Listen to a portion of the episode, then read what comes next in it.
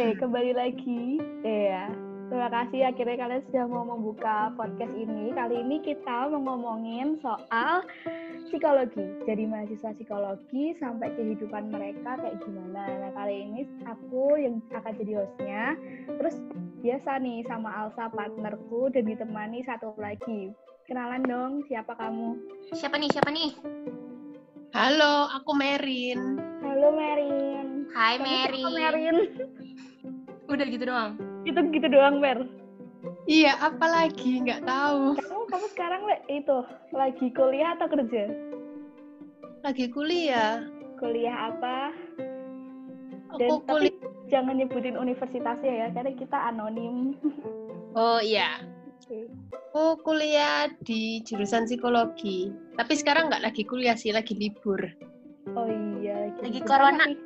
Apa jajan kita satu kuliahan? Bisa jadi. Kayaknya gitu ya. Oke, so jadi kali ini tuh kita- aku mau tanya nih sama Alsa duluan. Nah, Hmm. kamu kan ini udah mau semester 5 kan? Terus Hah. menyesal nggak sekarang ngambil jurusan ini? Menyesal atau nggak ambil jurusan? eh, oh ya, oh iya benar-benar juga sih kan karena akunya juga psikologi gitu ya. Jadi kamu nanyanya aku nyesal atau enggak? Aku ambil jurusan psikologi. Jawabannya adalah enggak. Jadi emang prosesnya panjang untuk memilih jurusan psikologi ini, tapi ternyata semakin diikuti sampai semester 5 ini ya aman lah. Aman, sejahtera, sehat sentosa, IP masih bagus, aku masih hidup gitu. masih lancar kayak gitu. Kalau misalnya kamu dikasih kesempatan buat balik ke berapa nih tahun ini nih kelas 11 nih naik kelas 12 kamu nanti bakal tetap eh goblok ngambil ngambil Coba. universitas sensor, oke? ngambil universitas ini enggak Oke, hmm, kalau disuruh putar balik ya waktunya. Sebenarnya kita nggak ada yang tahu sih jalan Tuhan kayak gitu. Aku mungkin punya banyak banyak banget pilihan-pilihan universitas, tapi kalau misalkan ujung-ujungnya akhirnya masuk ke gimana kayak gitu, kan nggak apa nggak ada yang tahu juga. Dan kalau misalkan waktu itu adalah Universitas X ini adalah satu eh, sa- pilihan terakhir dari pilihan-pilihanku kayak gitu. Jadi mau mau nggak mau kalau misalkan aku nggak dapet di universitas-universitas lainnya, ya Universitas X ini adalah jalan terakhir kayak gitu. Jadi boleh lah, aman lah, fasilitasnya juga menurutku oke lah di sini. kayak tapi kalau misalnya Merin gimana nih nyesel nggak Merin Kalau aku, aku nyesel atau enggak? Aku nggak nyesel sih. Eh, aku nggak nyesel. Gimana ya? Aku masuk sebenarnya itu jurusan yang aku pingin sekarang tuh nggak pernah kepikiran sama aku sebelumnya gitu. Jadi waktu itu aku masuk di eh di kuliahku yang sekarang itu aku masuknya itu atas dasar jurusan yang tidak perlu tes apa pun.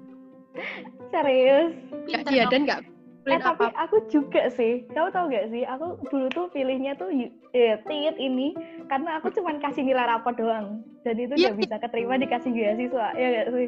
Ya, aku gitu. Jadi aku ngeliat itu jurusan pokoknya yang nggak ngumpulin tes buta warna, nggak ngumpulin tes TOEFL, nggak perlu datang tes untuk mata pelajaran gitu, atau nggak yang desain-desain itu kan pasti juga ada tesnya itu. Hmm. Pokoknya itu semua lah, cuma kumpul rapor doang, udah selesai gitu.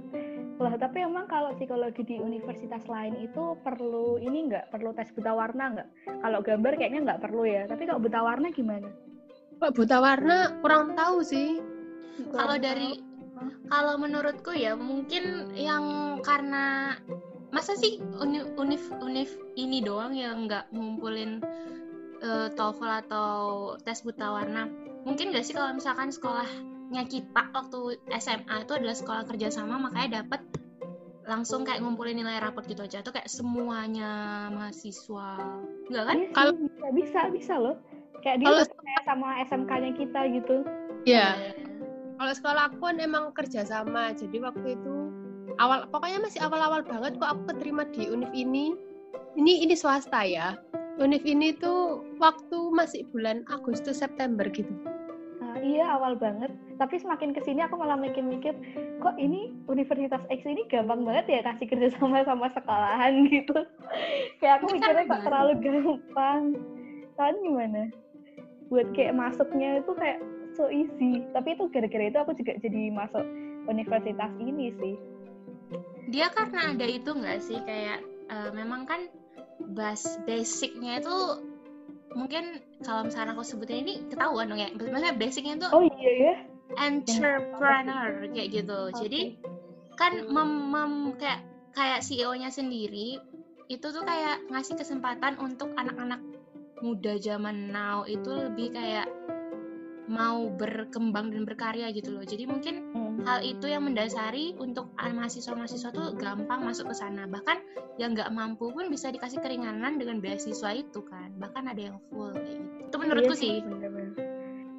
Eh lanjut ya. Oh. Tapi kalau misalnya aku nih, kalau misalnya aku balik ke beberapa tahun lalu, kayaknya aku nggak bakal ngambil jurusan ini sih. Kebalikan sama kalian. Soalnya aku, aku merasa, kamu jurusan apa ya? Oh iya, aku tuh jurusan Hotel and Tourism Business, fakultasnya oh. pariwisata. Terus menurutku kalau aku balik mungkin aku bakal ngambil komunikasi. Kenapa? Filsafat. Soalnya ternyata ilmu yang lebih tinggi itu lebih mendukung karir yang lebih luas gitu loh. Jadi kan kuliah itu tuh ternyata menurut yang aku tahu sekarang ternyata tuh bukan ini kamu bukan tempat mencari karir kalau kita mau cari kerja kan ya ke tempat lowongan kerja tapi tujuannya kuliah itu buat nunjang ilmu kamu. Biar nanti kerjamu gampang tapi belum tentu ilmumu tuh pasti hmm. dipakai buat kerja. Nah dari situ kenapa aku nggak nggak cari ilmu yang lebih tinggi aja gitu buat ngejalanin? Buktinya Dian Sastro ilmu filsafat tuh dia juga malah bisa jadi artis karena jadi punya rumah produksi gara-gara dia belajar filsafat.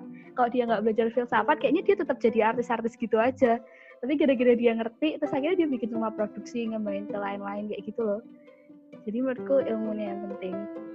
Tapi so good lah kalau kalian tetap di jalan kalian on track. Tapi menurutku pariwisata juga boleh lah kan uh, apik lah maksudnya dalam hmm. memang walaupun ilmunya nggak begitu banyak tapi kan prospek kerjanya sangat luas gitu loh. Jadi ada ya, ada apa ya maksudnya ada plus minusnya lah kayak gitu Iya benar. Tapi sayangannya juga luar biasa. Mohon maaf. Oh iya benar sih.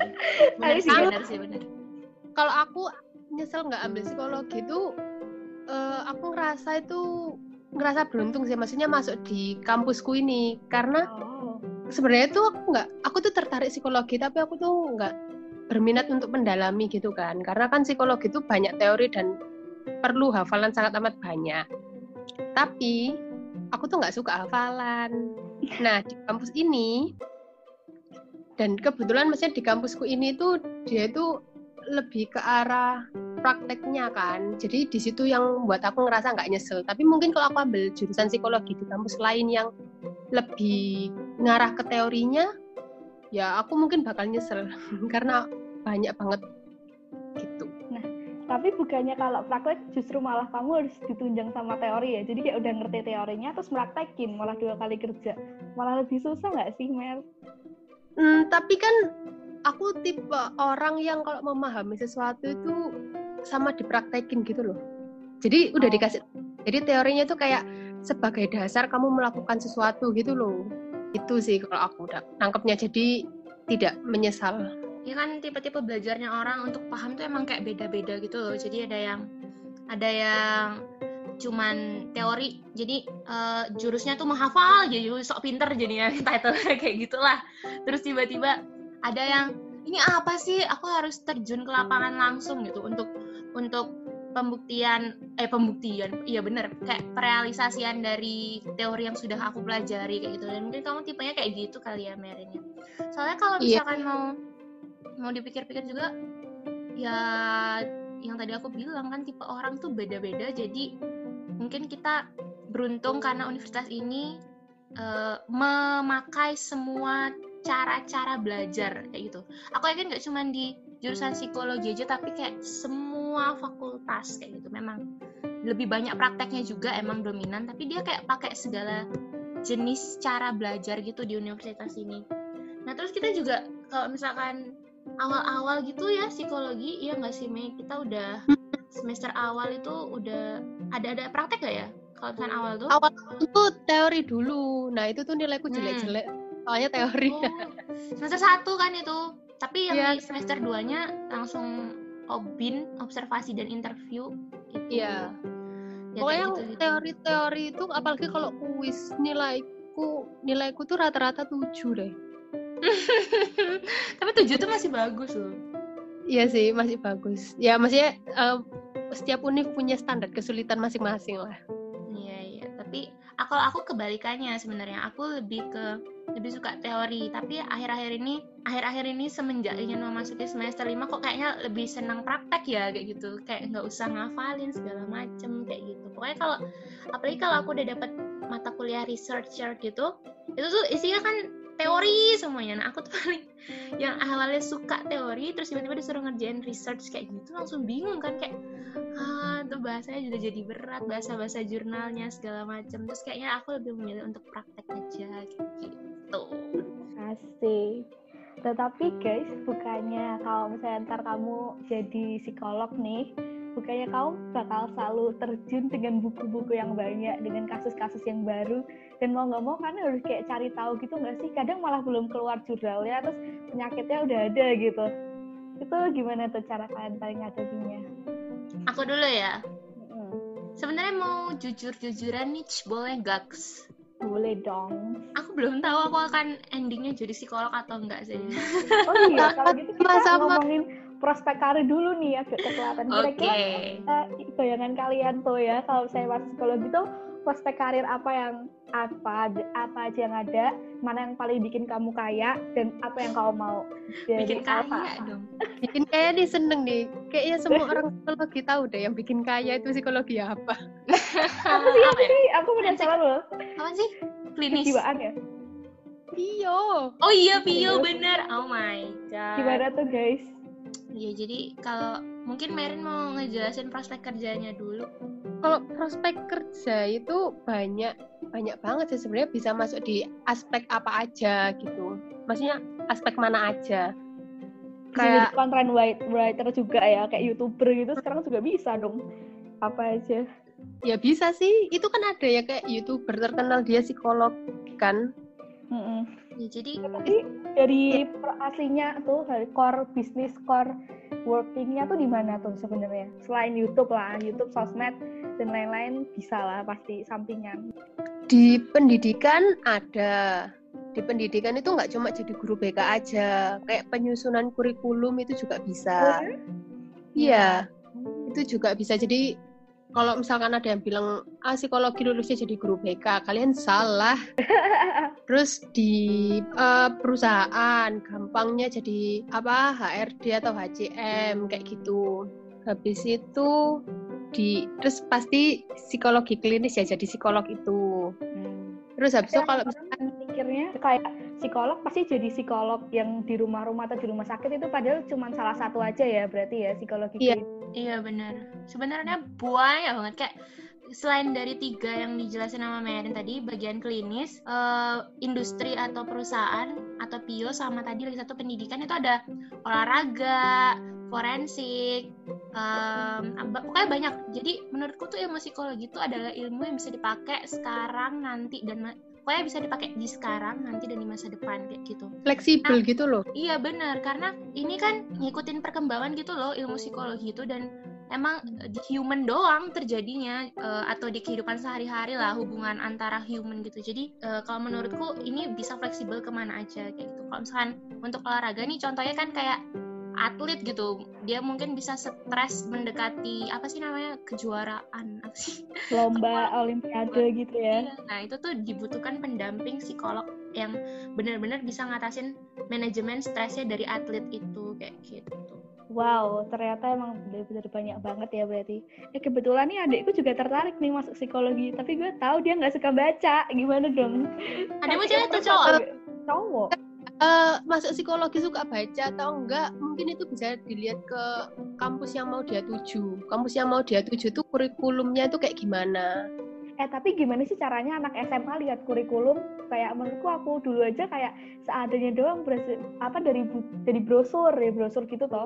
Terus kita harus cari tahu ke mana dong kalau misalnya mau korek kurikulum kayak gimana di suatu universitas. Tanya ke mana ya mungkin tanya ke ya mungkin ada kenalan-kenalan kakak kelasnya mungkin Biasanya kan kalau misalnya kayak gitu kan ada sosialisasi-sosialisasi gitu loh dan nggak cuman internal, maksudnya kayak karena Kampus sekolah kerja sama jadi ya datang kayak gitu. Tapi di luar juga kampus ada. kampus itu bisa tanya sih ke yang jaga stand itu aku pernah sih ikut gitu ah jadi emang Oh, harus dari luar kayak gitu cari gitu. tahu ya Hmm, tanya iya ini sistemnya kayak gimana gitu tapi guys aku mau tanya jadi psikologi ini ter- ada gap nggak antar negara? Misalnya kan anggapannya kalau belajar mobil nih kalau di Indonesia setir mobil pasti di bagian kanan kan? Jadi kalau setir itu di dia nyetirnya di bagian kanan. Cuman ternyata kalau di luar negeri dia setirnya di bagian kiri jadi harus belajar lagi. Kalau misalnya psikologi itu dia sama nggak? Semua teorinya sama? Atau kayak di Indonesia tuh ada teorinya khusus atau ada treatment khusus yang kalau kamu ke luar negeri tuh nggak bisa dibawa. Jadi kalau kamu mau praktek di luar negeri itu harus belajar lagi menyesuaikan orangnya. Itu universal atau enggak? Hmm, Merin kayaknya research tuh udah. Coba Asik. jelasin Mei. ini menurutku ya Hmm. menurutku karena aku juga mau belajar psikologi di luar kan dan aku nggak tahu itu bisa praktek atau nggak di Indonesia Oh, Oke. jadi gini kalau secara ilmu mungkin sama aja tapi secara praktek itu harus ada kayak kalau di Indonesia namanya himsi kalau misalkan mau praktek psikologi oh ya buat pengetahuan aja ya kalau misalkan mau praktek jadi psikolog yang menghadapi klien itu kalian harus S2 eh nggak S2 apa sih? Harus ambil profesi. Ah, mirip-mirip sama dokter ya sebenarnya. ya ya psikologi itu sebenarnya kayak dokter. Cuma ini tuh dokter jiwa gitu loh. Mm-mm. nah kalau misalkan secara teori itu kayak secara pelajarannya itu kayaknya sama. Tapi mungkin emang ada. Kayak contoh misalkan alat tes gitu itu kalau misalkan di Indonesia itu diterapin ke Indonesia itu perlu kayak apa ya penyesuaian. Biar bisa dipraktekin eh biar bisa dibuat ngetes orang-orang di Indonesia. Karena kan ada faktor budaya juga yang bikin itu beda gitu. Sama standarisasi mungkin dari alat-alat tesnya kali ya. Kalau misalkan psikologi itu. Kalau standarisasi secara secara maksudnya misalkan aku habis dari belajar di luar terus aku harus praktek di Indonesia harus kayak gimana nya ada penyesuaian apa apalah itu aku kurang tahu sih itu. of course ada selain bahasanya itu juga kan pasti beda banget pendekatannya kan ngomong ke orang-orang. Terus apa bedanya kalian yang nggak dari background kedokteran sama psikiater yang belajar dulu dari dokter umum terus dia akhirnya ngambil spesialisasinya itu apa tuh namanya spesialisasi klinis ya tadi ya? Ini selalu dipertanyakan. Iya, soalnya jujur aja aku nih sebagai orang umum awam terus kayak bingung namanya psikolog tuh ya sudah cuma satu terus tapi kenapa ternyata pendidikannya dari jadi dua gitu ya ataukah kalau stresnya udah bikin kejang-kejang harus ke yang ke dokter atau gimana Eh, Alsa mau jawab? Mau Oke. mau. gimana tuh Sa? Kalau aku perbedaan yang paling paling apa ya? Yang paling bisa dilihat lah ya. Kan kalau misalkan ski eh aku mulai ikut ski ski nih. Psikiater itu udah pasti ya dari dokter dulu kayak gitu. Nanti untuk kayak habis itu dia koas dan segala macam nanti kalau misalkan keluar tuh kan dokter umum. Nanti dia ambil spesialisnya kayak spesialis beda jantung lah atau apalah atau apalah. Nah ini tuh lebih nanti dia ngambilnya spesialisnya kayak psikiater kayak gitu. Terus kalau psikolog IES 2 profesinya psikolog kayak gitu. Terus nanti kalau misalkan eh, psikiater juga dia ada treatmentnya kayak konseling tapi nanti dia bakal ngasih obat kayak gitu. Kalau misalkan eh, psikolog dia konselingnya lebih deep sih lebih dalam lebih kayak benar-benar menggali apa yang sedang terjadi dan nggak boleh ngasih obat itu setauku. Jadi emang kalau misal terus juga kalau psikiater tuh dia lebih ngeliat ke fungsi otak sih ke eh, gimana cara kerja otak atau saraf orang itu ketika dia depresi atau segala macam tapi kalau misalkan psikolog ya dia benar-benar ngandalin eh, jiwanya dia yang mana yang ada masalah apa trauma masa lalu kayak gitu gitu benar-benar digali ceritanya gitu ya berarti ya iya benar kemarin gimana ada tambahan nggak nih Nggak ada sih benar yang kayak diomongin Alsa tadi. berarti Iya. kalian itu sebenarnya jalurnya tuh berbeda ya nggak saingan ya berarti ya besok ya Dibilang beda ya nggak beda banget. Maksudnya dia Kalian tuh lebih tapi boleh nggak diagnosis kalau nih orang depresi terus butuh obat gitu? biasanya itu kalau dari psikolog misalkan dia udah misalkan ada orang ke psikolog nih udah dan lain sebagainya biasanya itu psikolog itu kerja sama sama psikiater gitu loh. Iya iya. A- benar. Apa psikolognya mungkin bisa dianjurkan untuk pergi ke psikiater juga ngecek apakah emang secara apa ya secara biologis gitu loh. Secara secara biologis secara otak atau syarafnya tuh ada masalah atau enggak? Jadi kita temenan gitu sesama psikolog dan psikiater kayak gitu saling refer merefer kayak gitu Oke. Berarti kalau misalnya nih dari psikiaternya bilang, oh ini nih dia cuma baper aja nih, terus dikasih ke kamu gitu orangnya. Kalau ternyata dianjurkan dia- ke psikolog kayak gitu Ya, So, aku mau ngomongin nih, kan makin ke sini kayak makin terbuka banget yang namanya kayak channel-channel tentang kesehatan kejiwaan sama self development. Kayak apa ya Mm. satu persen tuh contohnya. Terus ada apa lagi? Kalau nggak tuh orang awam aja tiba-tiba kayak ini ngomongin insecure terus ini gimana gimana gimana cara ngatasinnya terus ada tuh meaningful life atau apa. Ya pokoknya banyak banget kan. Nah itu sebenarnya tuh menurut kalian gimana? Itu bagus atau malah sebenarnya ngancam kalian karena kayak orang udah bisa self diagnosis sendiri terus ngapain aku harus ke psikolog gitu? Merin. Self diagnosis itu sangat amat tidak dianjurkan sih. Kalian tahu kalian pernah tahu nggak sih yang kayak eh, kalian iseng-iseng aja cari kayak sakit perut terus tahunya muncul aneh-aneh gitu. iya kan kayak munculnya sebenarnya kanker perut Hamil. apa. Iya, baru muntah-muntah mual dikira apa, Apa kita ya bener. Aku ada cerita ini dari kakak tingkat kakak tingkatku itu tuh eh, ada mata kuliah kayak abnormal ya abnormal apa ya Zah? abnormalitas ya abnormalitas itu. Nah itu tuh biasanya eh eh ini cerita dari dosen sih. Itu biasanya tuh ada aja mahasiswa yang ngerasa kayak jangan-jangan aku kena ini, jangan-jangan aku kena ini kayak gitu. Jadi dia self diagnosis di di eh, self apa ya itu terus sebenarnya itu salah gitu loh maksudnya itu nggak tentu nah kalau mendiagnosis sesuatu itu kita juga perlu apa biasanya didampingin sama tes tes gitu kan za Iya benar. Ya pokoknya kalau misalkan ada konten-konten self development tuh menurutku apik sih. Maksudnya bagus untuk menyadarkan diri dulu mungkin ya buat orang-orang awam tuh.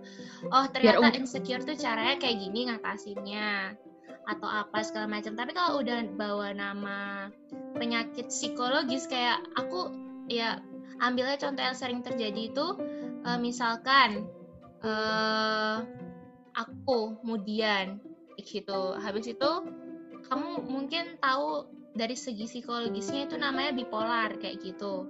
Habis itu ya maksudku kamu belum tahu gitu loh bipolar itu seperti apa kemudiannya seperti apa tingkat emosi yang terjadi. Terus kamu udah bisa mendiagnosis dirimu sebagai bipolar kayak gitu. Kalau misalnya udah bawa-bawa nama penyakit-penyakit psikologis kayak gitu menurutku mendingan itu ke profesional dan itu dibutuhkan orang-orang kayak kita psikolog kayak gitu kalau misalnya untuk awam dan untuk pengetahuan sih nggak apa-apa menurutku iya Kayak maksudnya eh, iya terus apa suka banget sih maksudnya ad- udah mulai aware tentang kesehatan mental kayak gitu yang awalnya tabu Mm. terus mulai penting kayak gitu ya seneng banget sih Iya cuma sih. ya terdiagnosis itu janganlah jangan tidak dianjurkan sama sekali untuk men self diagnosis tapi itu perlu diperhatiin juga sih maksudnya untuk bilang kalau misalkan kalian tahu kayak ih kamu bipolar ya kayak gitu. Karena kita nggak tahu kondisi seseorang kan. Mungkin dia bisa jadi dia bipolar tapi dia belum tahu kayak gitu. Terus tiba-tiba kalian punya teman kalau misalkan teman kalian nih tiba-tiba bisa bisa baik banget kayak senang gitu. Terus tiba-tiba bisa apa namanya bisa jadi sedih kayak gitu terus kalian langsung diagnosis bipolar kayak gitu nah itu jangan sampai kayak gitu karena itu Ya, bisa dia mood swing iya bisa jadi dia mood swing kayak gitu Oh gitu ya, jadi self diagnosis. Ah, terus aku punya pertanyaan lagi nih. Kalau Hmm. misalnya kalian nanti lanjut ke S2 gitu, kalau misalnya profesi jadi dosen, itu apakah guru psikolog itu harus jadi dokter atau bisa kayak ya udah kayak kalian aja gitu, yang penting S2, S3 bisa jadi dosen ke depannya. bisa langsung kayaknya ya Bisa langsung ya. kalau setauku sih S1 tuh baru jadi kayak asdos asdos gitu loh kayak Ah. asisten psikolog Maksudku- asisten dosen ya maksudku itu kalau misalkan eh kalau mau jadi dosen tuh harus paling enggak ya S2 kan yang seperti kita Iya. tahu Tapi Iya, ada iya. gininya nggak sih? Ada kriterianya, aku juga kurang tahu sih. Apakah dia harus kayak researcher dosen atau science dosen atau apalah nggak ngerti aku kalau masalah jadi dosen itu belum belum ada bayangan ya bayangan ya Oke, oke. Nih kalau misalnya kita ngomongin soal anak-anak psikologi sendiri, itu menurut kalian itu mereka pasti sehat-sehat nggak sih secara kejiwaan? Atau pernah nggak sih kayak ini tentang resiko karir nih? Uh, aku hospitality kan resiko karirnya adalah jam tidurku tidak akan pernah sesuai dengan jam normal. Misalnya kalau aku harus jaga malam, karena industri ini 24 jam ya, jadi setidaknya tuh pasti aku pernah ngerasain jaga malam selama beberapa bulan mungkin. Jadi kayak tidurku harus di pagi nah kalau resiko karir kalian itu apa sih? Pengen tahu deh jadi Merin gimana resiko karir. Kalau eh ini resiko profesi kali ya lebih tepatnya. Itu aku sharing perencanaan karirku aja ya. Oh boleh. Jadi aku tuh sebenarnya mau jadi psikolog. Jadi aku harus profesi supaya aku jadi praktek psikolog. Cuma aku punya uh, alternatif lain. Kan um, di Indonesia tuh psikolog itu emang belum terlalu apa ya kayak maksudnya baru sekarang-sekarang aja kan. Udah nggak iya. dianggap tabu lah kelihatan enggak itu ya, aja kalau kita ngomong sama orang tua aja kayak ini ngapain kamu ke psikolog? Gila ya udah digituin ya sih? Sama kayak ya, gitu yang atas atas stigmanya kan menurutku stigmanya itu masih jelek. Hmm. jadi alter jadi aku S1 ini aku fokus ke PIO itu lebih pasti psikologi industri organisasi itu. Oh gitu. Ya untuk ya untuk lulusan psikologi yang mau kerja pasti yang bisa diterima gitulah. Yang nggak dianggap tabu ya masuk ke perusahaan. Gitu. Itu rencana karirku. Kalau misalkan aku masih S1 kalau misalkan aku udah maksudnya udah lulus S2 ya aku fokusnya ke psikolog gitu. Terus dari PIO itu resiko buat jadi profesi menekuni profesi itu apa tuh Mer? menekuni profesi itu adalah PIO itu makin banyak saingannya. Karena kalau misalkan dari jurusan psikologi doang Benar. Ya itu tuh sekarang itu udah ada apa ya kayak jurusan yang spesifik khusus untuk orang-orang pio oh ya Iya, oh. aku tahu nama jurusannya apa, tapi itu ada gitu loh. Kan nggak tahu siapa nama jurusannya apa, tapi itu ada. Okay. Nah itu terus dosenku tuh bilang, maksudnya kita sebagai orang psikologi itu kekuatannya itu di itu alat tes Nah, alat tes ini kembali lagi, maksudnya kita kalau misalkan yang S1 itu tuh boleh boleh e, membawakan alat tes gitu loh. Tapi kalau untuk menginterpretasikan hasil itu belum boleh kayak gitu. Jadi itu kesusahannya. Kalau misal eh kes, kesusahannya itu yaitu kamu harus paling enggak kalau kamu mau aman itu ya kamu ambil profesi psikolog. Itu jangkauannya lebih luas dan apa ya kalau misalkan ada saingan pun kamu tuh punya hal yang cuma psikolog nih yang bisa ngelakuin yang lain nggak bisa gitu oke okay. kalau Alsa gimana oh kalau aku sendiri mungkin aku iya aku sebenarnya masih abu-abu sendiri sih sama apa sama masa depanku depan. ini kayak gimana kayak gitu bahkan aku S2 berencana menyimpang ngambil manajemen kayak gitu jadi oh, ada ya? psikologinya ada manajemennya kayak gitu pokoknya wow, wow, wow. masih meraba-raba lah katanya mau masuk uh, S2 itu kita harus punya yang namanya ke apa sih jurnal atau kayak skripsi gitu loh jurnal buatanmu sendiri dari S1 itu supaya kamu bisa masuk ke S2 itu kamu harus ada esai gitu loh. Nah, gimana caranya kamu nanti yang dari psikologi masuk ke manajemen dengan esai psikologimu udah kepikiran belum tuh tapi kan kalau misalkan kita ngambil S2 kayak di universitas yang kayak universitas X ini kan gampang aja masuknya kayak gitu. Oh iya? Nggak usah pakai esai-esai gitu kan. Masih sekarang kalau misalnya mau mau mau pakai esai dari akhir, maksudnya kayak skripsi untuk masuk ke jurusan yang menyimpang dari psikologi ke manajemen pun kayaknya menurutku lebih gampang karena menurutku ini masih ber apa ya berkesinambungan antara psikologi satu logo universitas juga ya yang penting ya iya bener banget udah gitu kalian sering lihat gak sih kayak apa sering banget mereka makan makan Iya. Tiba-tiba iya itu aroma makanannya badan. Bener-bener beda sendiri paling bagus. Cuma makan stok makanannya nggak dibagi. Iya, aku kan eksklusif. Kuliah atau makan-makan sebenarnya kayak di universitas lain nggak ada loh kayaknya kayak gini. Makanannya sih kalau kalian ngeliatin. Apa apa makanannya apa? Enak-enak Iya kah? Aku selalu lihat piringnya doang sih, serius. Biarnya biarnya putih sih. Parah. Eh, aku mau itu Apa mau tuh? tambahin tentang resiko-resiko itu. Mm. Jadi kalau misalkan Mary ini juga kan kita punya kayak kode etik gitu. oh iya Profesi psikologi. Eh psikolog kok psikologi, psikolog kayak gitu. Jadi eh, buku etik ini kayak undang-undangnya jadi psikolog gitu loh. Jadi ada beberapa hal yang harus ditaati dan kayak misalkan nih satu hal yang mungkin paling aku inget tuh kayak dan ini simpel juga ya kliennya tuh nggak boleh di, di jadi ini klien nih terus kita kayak ketemu di tempat umum gitu jadi kayak harus benar-benar memperlakukan dia secara profesional walaupun di tempat umum kayak gitu jangan Jadi, sampai pura-pura nggak kenal gitu maksudnya. enggak ya se- as like saya doktermu eh saya dokter kan jadi psikiater jadinya saya Iya. konselor psikologmu kamu kalau di psikolog bilangnya klien ya kayak gitu kalau Ah, psikiater bilangnya pasien kayak gitu Oke. gitu Jadi kalau misalnya ketemu kayak nggak boleh ngumbar-ngumbar permasalahan atau apa ya kayak penyakitnya orang itu gitu kan intinya. iya Mbak, benar malah biasanya kan kalau misalkan kita ke psikolog tuh nomor pribadi psikolognya itu tidak dibagikan supaya ketemu supaya prakteknya itu Laris. bukan bukan laris, putus-putus apa? Tidak mencampuri kehidup kehidupan pribadi baik psikolognya atau kliennya iya benar sama ini setahu aku nggak boleh suka sama kliennya juga ya Iya, Nah itu berat dong gimana kalau saya dia cocok?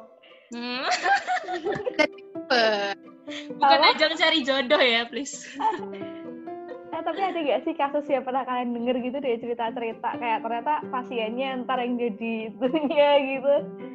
Jadi jodohnya ketemu biasanya itu ini loh eh, klien yang ngomong. itu kliennya itu terlalu bergantung sama psikolognya. Tapi Benar, berarti benar. kalau kalian nggak sharing nomor berarti itu bukan termasuk resiko karir dong, resiko profesi kalian. oh ini loh eh, apa pokoknya karena kita itu nggak kita itu bukan dokter yang kalau misalkan malpraktek langsung mati tahu nggak maksudnya jadi kayak Iya iya iya.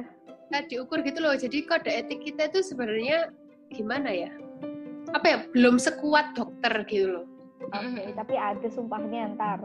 iya sumpahnya Atau Ada. kalian tidak bersumpah hanya teori saja. ada di S2 kayaknya mungkin nanti kalau ambil Oh. ya ke- aku juga dengarnya kalau misalnya udah ngambil profesinya kayak gitu Oke, menarik menarik. Mm-mm. Seru sih. Nah terus kalau misalnya aku pernah lihat film nih, dia tuh emang psikolog gitu kan. Kalau aku ngeliatnya dia tuh beresikonya yang pertama tuh suka diteror gitu loh sama si kliennya itu ya. Maksudnya tuh kalau dia nggak merasa nggak puas itu kayak bolak-balik datang. Bahkan ada kasus tuh kayak dia tuh malah menyebar burukan berita gitu ke orang-orang jadi malah dia nggak laku malah profesinya tuh jadi hancur gitu. Terus gimana cara kalian menghandle itu? Maksudnya kayak mengambil kepercayaan dari klien kalian nantinya. Kepuasan sih, menghandle kepuasan. Soalnya kan kalau nggak puas orang bisa kayak ngelakuin apa aja gitu. Sa? kalau mau dilihat juga tipe-tipe klien kan beda-beda gitu. Yang kayak tadi dibilang ada yang bisa sampai ketergantungan banget. Terus ada juga yang mungkin dia punya stigma sama psikolog, psikolog gitu. Jadi kalau misalkan disuruh ke psikolog, awalnya ogah-ogahan buat open ceritanya dia kayak gimana dan akhirnya dia malah bisa kayak menutup diri dan mungkin kalau misalkan dipaksa untuk untuk konsul konseling juga pun akhirnya dia jadi kayak apaan sih ini? Lo kira gue sakit? kayak gitu misalkan. Ah, Nah, terus jadinya mungkin cara yang paling baik biar biar si kliennya ini trust gitu dan nggak gimana gimana. Sebenarnya itu ya termasuk termasuk resiko juga tapi tergantung dari psikolognya juga. Kalau misalnya dia punya teknik jadi temen kayak gitu yang bener-bener kalau kita kan nggak tahu usia klien tuh bakal berapa kan tapi kalau misalnya kita bisa jadi temen yang benar-benar enak diajak ngobrol akhirnya kan klien akan percaya sendiri ke kita gitu loh jadinya dia bakal cerita lebih open kayak gitu Wow. Kalau Merin, Merin. uh, kalau aku tadi mikir kayak uh, ke nggak puasan itu dari mananya juga gitu. Maksudnya kalau misalkan dia datang karena biasanya itu orang datang itu ada yang karena paksaan. Oh gitu Nah, ya? jadi kan nggak karena butuh aja ya mereka datangnya apa? Nggak karena mereka butuh aja. Kan kita nggak jemput bola tuh ceritanya. Mereka yang datang. Iya, jadi biasanya itu ada yang apa dia itu datang karena emang terpaksa gitu loh. Maksudnya kayak ya kamu coba aja gitu loh. Jadi kayak tahu kan? Misalkan ada orang yang kayak di push terus-terusan akhirnya kayak dia nurut gitu loh. Ya udahlah ya wes aku Nah, orang lain Lain yang kayak gitu mungkin mungkin kalau misalkan dia nggak puas itu mungkin bisa didasari karena dia dipaksa tadi habis itu dia nggak open akhirnya proses konselingnya itu nggak maksimal benar itu juga bisa jadi faktor kenapa dia nggak puas gitu. Terus untuk kalau teror dan sebagainya itu kan maksudnya itu udah apa ya ya resiko tapi kalau untuk menghindarinya itu di, di kode etik juga ada kayak penghindaran resiko gitu. Sebagai psikolog itu kita harus bisa menghindari resiko ya pokoknya menghindari resiko gitu. Itu kalau misalkan nanti ngelihat kliennya udah nggak kooperatif contoh gampangnya kalau udah misalkan ngelihat kliennya udah mulai kayak ketergantungan atau suka sama psikolognya itu tuh kita bisa minta refer ke psikolog lain kayak gitu. oh jadi udah di set batasan-batasan supaya kalian sendiri juga aman gitu kan Iya, Mm-mm. jadi di awal sesi itu biasanya udah kayak dijelasin gitu kok batasan-batasannya apa aja nanti kalau misalkan gini-gini itu gimana. Oh, menarik. Eh, tahu nggak? Kan aku nih ceritanya kan dulu suka jadi bahannya kalian nih buat kalau ada apa-apa kita tuh aku tuh jadi klien lah cerita-ceritanya buat Oh, iya. nilai kan. Nah, aku tuh kayak kan waktu itu pernah di- disuruh beberapa kali tuh cerita. Ada yang suruh dites juga kan, tes koran, tes segala macem gitu. Terus habis itu kalau setiap aku cerita tuh, habis aku cerita panjang lebar, padahal itu cuma satu jam ya. Terus waktu aku keluar tuh, aku tuh, Aku tuh kayak ngerasa kayak, eh aku di mana ya? Maksudnya kayak tiba-tiba kayak blank gitu loh. Tau gak sih habis cerita tuh aku kayak kayak lupa semuanya. Oh, iya. oh kayak lupa semuanya kayak ini aku ngapain habisnya aku ngapain apa yang udah aku set di otak aku tuh habis aku cerita tuh kayak hilang semua gitu loh guys jadi aku bingung ini sebenarnya cerita ini nggak bikin aku senang tapi nggak bikin aku sesek juga. Aku jadi kayak orang kosong. Serius aku bingung kenapa. Terus kadang aku juga aku mikir nih waktu aku cerita tuh kayaknya sebenarnya tuh bukan itu yang aku maksud tapi kenapa keluarnya itu tau nggak sih? Terus gimana cara kalian ngadepinnya kalau misalnya ada orang yang cerita kayak gitu? Misalnya dia cerita A B C D tapi sebenarnya orangnya ini kan self diagnosis dulu baru ceritain ke kalian kan? Tapi ternyata itu sebenarnya bukan yang terjadi gitu. Terus itu terjadi sama aku terus aku kayak nyesel. Itu kayaknya bukan yang aku maksud deh kayak gitu. Waktu aku beberapa kali cerita sama orang yang emang ahli di bidang itu dia kasih saran ini terus kalau tak pikir-pikir lagi ya nggak salah sih sarannya terus kok salahnya dari aku ceritanya ya gitu loh. Oke gitu gimana tuh menghadapinya ternyata self diagnosis kita sendiri salah dong. Gimana sah mungkin ya. Hmm. kalau kalau itu kan klien kalau dari sisi dari sisi kita lah ya yang menjalani sebagai uh, role playnya konselor kon, psikolog kayak gitu. Iya. nah, itu tuh kayak kliennya juga datangnya kayak diajak gitu loh kayak ayolah kayak dengan paksaan juga kan. Jadi mungkin cerita di ceritanya tuh kayak benar-benar cerita apa adanya yang dipersiapkan kayak gitu. Nggak benar-benar dipikirin atau gimana. Tapi kok ada juga yang di benar-benar dipikirin kayak gitu kan terus kalau memang mau dilihat dari orang yang kalau cerita orang tuh kalau jadi gimana ya kalau misalnya orang tuh mau cerita emang kadang-kadang ada yang tipenya ke mana-mana segala macam gak jelas masalah ini sebenarnya tuh kayak gimana sih kayak gitu Hmm. nah tugasnya psikolog itu adalah ya meng, kalau istilahnya dalam psikologi itu menguraikan benang kusut wedi menguraikan benang kusut kayak diurai satu persatu permasalahannya tuh sebenarnya tuh inti dari permasalahannya itu apa kayak gitu.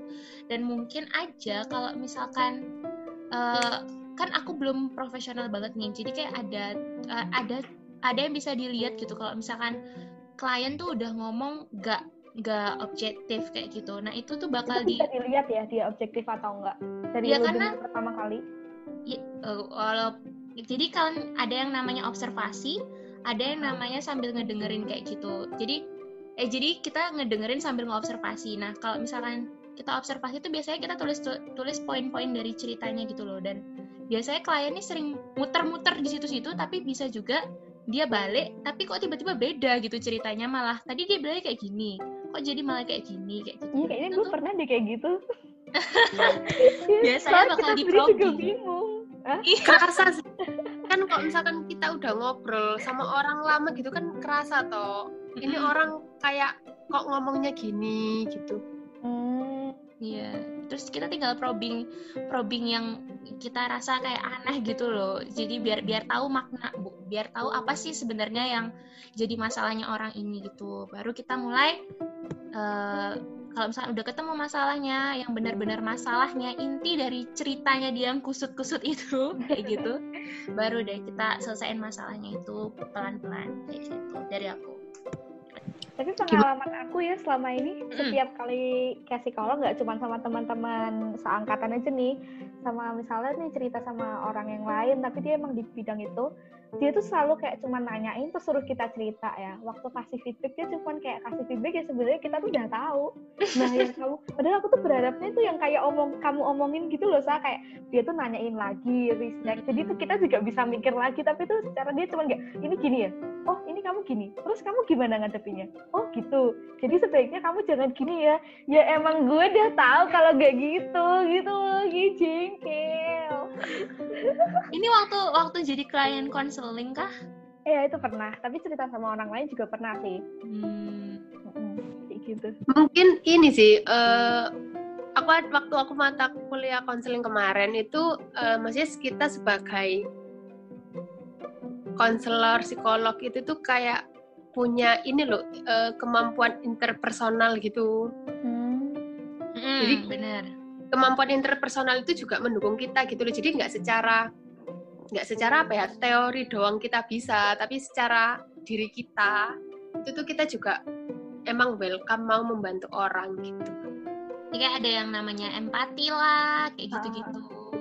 Kalau memang empatinya emang rendah, ya dia mungkin seadanya aja gitu masih saran atau ngeprobi iya, gitu. Kayak misalnya kenapa ya aku nilainya jelek? Ya makanya kamu belajar ya gue udah tahu gue belajar belajar kayak gimana sih gitu kan harusnya. Iya benar-benar eh aku tuh pernah nih kan ngobrol sama temanku dia tuh anak film di UMN ngambil perfilman. Terus dia ngomong semakin aku ke sini aku tuh nggak mau semakin jadi anak film dia bilang kayak itu semakin kayak kayaknya aku bakal berprofesi, berprofesi yang lain dia ternyata ruginya itu bisa puluhan juta sekalinya kita salah langkah aja. Kita tuh bener-bener dalam satu menit kalau saya itu kebuang tuh sewa rumahnya sewa tempat sewa artis itu udah bisa puluhan juta gitu kan. Iya. terus aku mikir so kalau misalnya semua profesi itu ada resikonya kalau misalnya resiko kamu yang kalau kan misalnya kalian kan hubungan sama orang yang anggapannya bermasalah mental ya setiap hari nantinya. Gimana caranya kalian tetap stuck di mental kalian supaya tetap sehat? Kayak setiap hari ya kalian ajak ngobrol bahkan orang-orang yang bermasalah gitu apa yang sakit kayak gitu. Gimana cara kalian menjaganya? Uh, ini aku pernah dengar cerita dari dosenku jadi uh, psikolog tuh kayak punya caranya masing-masing kan. Ada kayak contohnya itu ada psikolog yang dia kalau setiap habis ngadepin klien itu cuci tangan. Itu tuh sebagai perwujudan kalau ya ini permasalahannya itu udah dilepas gitu loh. Oh, jadi nggak di iya. simbolisasi ngono ya. Ya jadi kayak melakukan aktivitas-aktivitas simbolik sebagai oh masalahnya udah ya ini gitu. Maksudnya di hari ini pembahasan masalah itu udah selesai gitu loh. Jadi itu nggak dibawa terus-terusan. Oke. Okay. Jadi dari kalian itu tetap, tetap harus ini juga sih, Tapi, kuat juga nggak sih? Emang emang gini sih, maksudnya untuk untuk untuk menghadapi orang-orang yang yang kamu bilang tadi yang mereka kita mereka datang karena ingin menyelesaikan masalah di kita gitu. Itu tuh pasti ada ada jenuhnya juga kadang-kadang kayak gitu. Jadi kayak aduh ini kok nggak selesai selesai kayak gitu. Tapi balik lagi kan tadi nah apalagi kalau misalkan kita kayak gagal nanganin tuh balik lagi ke diri kita kita kayak bakal ngerasa gagal dan sedih gitu loh. Jadi emang yang kayak simbolis-simbolis tadi tuh bisa dipakai udah untuk kayak oke okay, hari ini sudah selesai uh, masalahnya ya berarti kita akan lanjutkan besok dan segala macam. Jadi lebih kayak menenangkan diri woi Wah, jadi Oh, ju- selain itu ngobrol gitu, kalian buat nguatin diri kalian sendiri ya, buat ini masalah udah selesai kayak gitu. Iya. Setauku juga eh, psikolog tuh ada batasan kok sehari dia praktek berapa jam gitu. Oh, Yes. Supaya menjaga mentalitas. ya gitu. Iya iya iya iya. bahkan katanya kalau misalkan lagi nggak mood pun nggak nggak nggak usah praktek nggak apa-apa Iya. daripada jadi bias gitu katanya Eh, jadi maksudnya sebagai psikolog juga itu tuh harus paham dengan dirinya sendiri gitu. Kalau misalkan dia mulai capek atau mulai jenuh gitu tuh dia bisa kok minta apa eh, reschedule kayak gitu. Oke, padahal aku barusan mau tanya tadi gimana kalau udah schedule terus tiba-tiba pas hari itu kalian nih yang lagi nggak bisa. udah terjawab Iya benar-benar. Soalnya nih, kalian tahu nggak sih guru civikku dulu tuh dia tuh dia punya lembaga kayak apa pengacara-pengacara gitu dia nggak cuma pengacaranya, Bo. Dia ternyata yang punya firmanya keren banget kan. Terus dia ngomong "Aku ke sini tuh nggak pengen duit kalian kok. Dia ngomong kayak gitu di awal. Aku tuh ke sini tuh gara-gara aku tuh stres tiap hari ngomong sama penjahat aku tiap hari stres ngobrol sama penjahat yang minta aku bela aku butuh ngobrol sama orang normal udah itu kenapa aku jadi dosen bung nggak kelas kayak wah what the hell gitu bahkan saking kayaknya dia ya setiap pulang dari kelas tuh dia tuh sering praktir praktir bakso bakso. Mas Andika itu yang sedih sebelum Ya. apa Aku mau dong jadi mahasiswanya. Aduh, udah lah ya ya tahu ya. Iya, pokoknya dia tuh kadang dia tuh stres gitu gue. Dia, gue tiap hari ngobrol sama orang yang jahat, ngobrol sama orang yang bermasalah ini, dia nyuruh nyolong itu, apa enggak dia yang dicolong gitu. Dia, dia tuh katanya udah nggak bisa normal gitu enggak sama orang bohong. Dan orang orang-orang tuh kayak bohong mau mencari pembelaan, terus dia tuh kayak udah nggak bisa balik ke sisi normal. Akhirnya dia pilih jadi dosen supaya dia bisa ngobrol sama orang-orang yang polos gitu dikira ya siswa ada siswa juga kibul. Kenapa? Untuk tetap menjaga kewarasannya tadi. Iya. iya. kayaknya. Bener-bener separah itu gak sih menjaga kewarasan itu ternyata sepenting itu. Iya iya bener. Tapi kalau misalnya dilihat dari panelnya kalian sendiri setelah belajar psikologi sampai semester sekarang nih ada perubahan nggak buat dari diri kalian sendiri itu?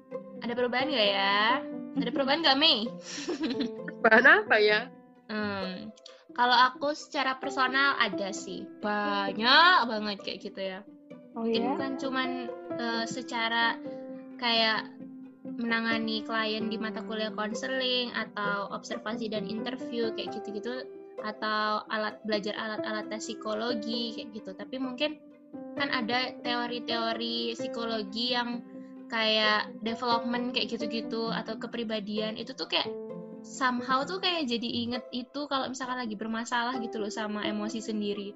Terus gimana cara ngatasinnya tuh jadi kayak oh si Steinberg pernah bilang kayak gini misalkan atau si Oh, Freud keren, pernah keren, bilang keren. kayak gini. eh keren Jadi kayak keren keren keren iya oke kayak si ini si itu gitu ya jadi kayak eh, kita jadi lebih aware aja sih sama diri sendiri karena udah tahu juga kan gimana proses itu datang dan cara nanganinnya kayak gitu sih. Mm-mm. Cuman Kalau- aku membantah nih sebelum Merin mengatakan pendapatnya. Iya. aku tuh juga suka nih nontonin yang namanya self development. Jadi itu kalau lo gini ini gini, kalau lo ini gini caranya gini gitu. Dan satu saat aku pernah mengalamin, terus oke aku gak boleh gini nih, katanya ini gini, kata ini gini, terus aku tuh jadi bingung. Jadi kayak bias gitu loh pertanyaan apa perasaanku sendiri gimana, tapi aku tuh kayak harus ngikutin, oke aku harus tenang, oke ya tenang aja nggak apa, nggak usah dipikirin, nggak usah dipikirin, tapi semakin kepikiran gitu. Gimana tuh coba kalau misalnya, jadi aku mikir aduh kenapa sih teori-teorian? Udah nggak usah jadi diri sendiri aja. Akhirnya aku kayak gitu. Apakah itu karena pelajaran yang belum sempurna atau emang nggak bisa terlalu banyak teori gitu jadi diri sendiri aja. Nggak bisa teori. soalnya aku jujur nggak bisa. Maksudnya tuh kayak misalnya nih kamu lagi cemas nih terus dia kamu langsung kayak oke dalam cemas aku nggak boleh ngit-ngit masa lalu. Kalau katanya ini nih kalau misalnya cemas kita tenang dulu mindful di tarik nafas dan segala macam. Tapi justru itu malah bikin aku makin tegang gitu loh Mer. Hmm, kamu udah mempraktekkan itu tapi malah makin tegang. Iya, malah kayak gitu. Malah aku malah stres gara-gara kebanyakan think to do ketika aku harus melakukan ini, ini, ini, ini gitu. Jadi kayak nggak cocok gitu ya. Kalau Iya, kalau aku malah kayak kebalikannya ya. Jadi ini aku share, ini aku mau tadi itu mau sharing ini. Oke. Jadi aku tuh uh, aku tuh nggak tunggu ini aku sadar waktu aku semester satu. Jadi dari aku hidup sampai akhirnya semester satu itu aku tuh nggak merasa gimana ya aku tuh nggak pernah tahu rasanya stres itu kayak gimana. Tiba-tiba waktu semester satu aku tuh ngerasa kayak murung pol gitu. Nah hmm. kebetulan pokoknya aku ingetnya di hari seninnya itu itu aku dapat materi tentang stres. Wah, nah itu ya itu tuh aku merenung gitu loh. Aku merenung aku itu tuh materi tentang alur kenapa kamu bisa jadi stres Nah itu terus aku tuh berusaha memahami diriku gitu loh. Aku menganalisa apa yang terjadi. Tadi tuh tahapannya aku lagi ngapain aja, aku ngapain, oh aku gini gini gini. Terus akhirnya ketemu penyebab stresku itu ini. Terus ya udah habis itu aku bodo amat gitu. Habis habis aku udah ketemu nih, oh ini masalahnya. Terus aku ngerasa kayak udah gitu, kayak lepas gitu. Oh, jadi kebalikan sama aku sih, bener kayak apa ya? Kalau aku malah aku stres terus aku mikir nih apa aja yang aku harus siapin kalau aku stres justru aku malah stres nyiapin buat aku nggak stres tau nggak sih? Gimana ya caranya ngomongnya tuh someone can help me. Jadi kayak gue makin stres aja kalau memikirkan gimana cara supaya tidak stres gitu intinya. Kalau di kata-kata stres ya misalnya. Hmm.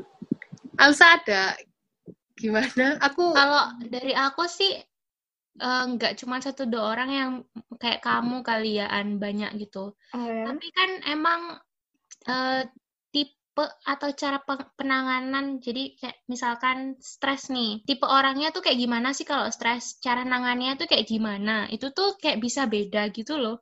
Dan kalau memang kamu suka nonton self development kan ilmunya nggak cuman itu doang. Jadi kayak banyak banget. Mungkin uh, jadi mungkin yang lagi kamu terapkan itu memang nggak cocok tapi ada teknik lain yang mungkin bisa bantu kamu biar jadi nggak stres lagi kayak gitu dan caranya kamu untuk menemukan seperti itu ya ngobrol-ngobrol kayak gini yeah.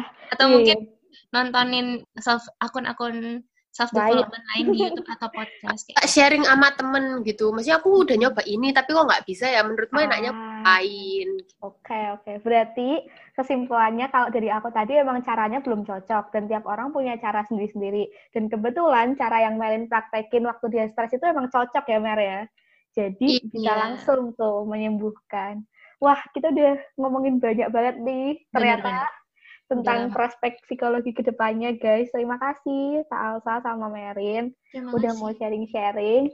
Kalian aku minta dong satu menit atau apa deh kalimat yang uh, meyakinkan buat adik-adik nanti yang mau masuk ke psikologi.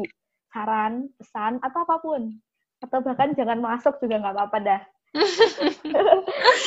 oh aja saingan gue nggak banyak. oh, ini aja uh, siapa bilang itu nggak ada hitung-hitungan Waduh, ternyata? Ternyata gimana, Sa? Ternyata semester 2. semester 2 udah dapat hitung-hitungan kayak gitu wow. dan hitung-hitungannya tuh bukan lagi tambah kali bagi kurang kayak gitu. Udah complicated pol kayak gitu. Ah, serius? paling gampangnya adalah kalau misalkan kalian mau masuk kuliah untuk menghindari hitung-hitungan ya kayak menurutku salah gitu karena kalau misalkan kan kalian lulus harus bikin skripsi skripsi mm -hmm. kan banyak contoh lah misalnya kalian ambil kuantitatif kuantitatif pasti hitung-hitungan kan ya, meskipun. Alatnya tapi kan tetap ada tetap aja ada ngitungnya. Jadi semuanya itu pasti ada hitung-hitungan lah. Benar benar benar. Jadi kalau jadi, mau ke psikologi dengan alasan menghindarin itu gitu kan itu salah besar ya? Salah banget. Benar benar. Oke okay. kalau dari Alsa nih gimana nih Sa? kalau dari aku sih ikutin passion kalian aja ya. Kalau memang karena aku emang milih psikologi juga karena aku suka berhubungan sama manusia kayak gitu dan mungkin dan mungkin kalau misalkan uh, kalian memang suka berhubungan sama manusia silakan masuk psikologi dan rasakan sendiri seperti apa karena nanti insight-insightnya bakal dapat banyak juga ya, emang tujuannya kuliah tuh biar dapat insight lebih banyak sih tapi menurutku apalagi kalau dibarengin sama passion kalian yang kayak aku suka berhubungan sama manusia, udah gas aja masuk psikologi kayak gitu. Oke, okay. Sip. Pertanyaan terakhir untuk mengakhiri semuanya. Apakah ketika aku seorang introvert, aku bisa masuk jurusan psikologi? Tentu. Why? Can you tell me? Introvert itu sebenarnya bukan kesusahan untuk berbicara dengan orang lain, kan? Iya, dia lebih, lebih suka kayak... Mm -mm. Lebih... Lebih gimana? Maksudnya gini, dia lebih yeah. enak gitu. Uh, uh, untuk ketemu dengan situasi yang ya yang rame atau yang kamu lebih suka sendiri itu maksudnya bedakan antara kamu berbicara dengan orang baru dan ketika kamu berada di situasi yang rame. Nah, oke. Okay. Kalau saya psikologi kan ntar lu ketemu sama orang yang pasti pertama baru. Kedua, pasti personal one on one. Dan itu ngobong, men. Ngobrol seorang tentang masalahnya dia gitu. Apakah itu masih bisa jadi tempat yang nyaman buat ya introvert ya mungkin? Kalau menurutku sih masih soalnya balik lagi pokoknya kalau uh, kategori introvert sama extrovert itu adalah intinya kalau misalnya extrovert tuh dia lebih nyaman sama dirinya kalau misalkan ada di situasi yang rame kayak gitu. Kalau misalkan oh. introvert itu berarti dia lebih nyaman kalau misalkan uh, dia punya waktu me time atau bahkan self kayak ngomong satu sama lain gitu loh dan tapi dalam keadaan private kayak gitu jadi menurutku fine fine aja kalau misalnya oh. kamu mau mau uh, misalkan seorang introvert jadi psikolog terus kamu punya punya klien dan kalian saling ngobrol kayak gitu malah introvert menurutku lebih open minded kayak gitu oh iya ya, iya, iya. dia kalau aku mau itu kayak Raditya Dika itu kan dia introvert tapi dia kalau ngomong sama orang lain nggak ada masalah juga kan. Oh serius lo dia introvert? Iya dia introvert. wow, wow, wow, wow, menarik, introvert menarik. yang berkarya kayak gitu. Iya gila ternyata ya itu nggak pengaruh ya ternyata ya. Mm-mm. Wow, oke okay, oke. Okay. Jadi itu berdasarkan me time-nya aja ya, dia dapat energinya tuh waktu dia sendiri atau berdasarkan sama orang lain gitu aja ya. Iya benar. Yeah. Menarik. Oke, kita sudahi saja di sini. Terima kasih banyak sekali iya. informasi yang udah didapat nih. Terima Terus kasih. kalau masih banyak pertanyaan, bisa follow Instagramnya Alsa di Alsa hanya tiga underscore atau Merin di Merine double R F S. Oke, okay, kalau kalian masih nggak jelas Instagramnya mereka apa, tanya di Instagram gue aja di Digaluan underscore.